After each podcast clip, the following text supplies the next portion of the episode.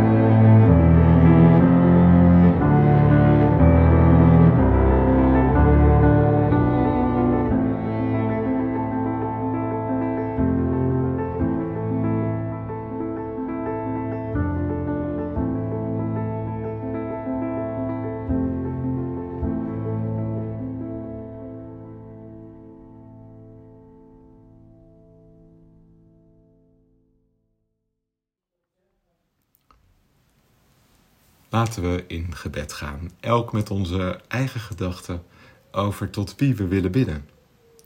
Ik zal de woorden eeuwige en amen gebruiken, maar voel je vrij om daar iets anders in te vullen. We worden stil.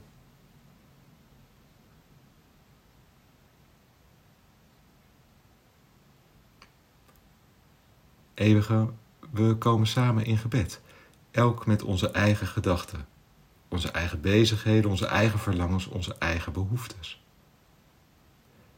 Als we op weg zijn, op een bergpad, op weg naar de top, laten we ons meenemen in de schoonheid van de natuur, de pracht van de vergezichten, de spanning van die onpeilbare hoogte, de concentratie van het zijn. Bedanken voor de schoonheid die we mogen beleven en waarvan we mogen genieten.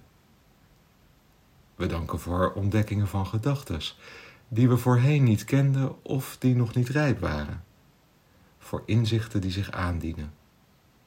Op een bergpad of op de figuurlijke variant daarvan in ons dagelijkse bestaan. We danken voor de vrijheid die we hebben om met onze eigen wil, onze liefde en ons temperament op weg te kunnen gaan naar de persoon die we willen zijn. We staan ook stil bij hen die die vrijheid of mogelijkheid niet hebben, die zich teruggehouden weten, tegengehouden weten, door wie of wat dan ook.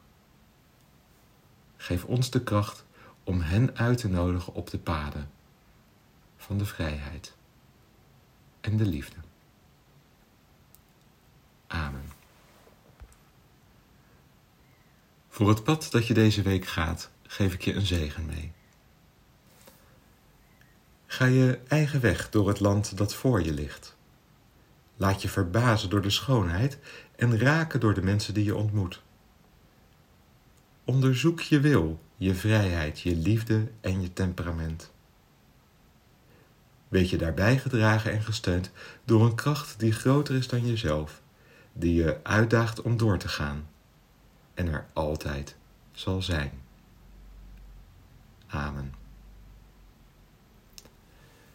Fijn dat je luisterde naar de bezinningspodcast van deze week. Ik wens je nog een goed weekend toe en een goede week met mooie ontmoetingen en ontdekkingen.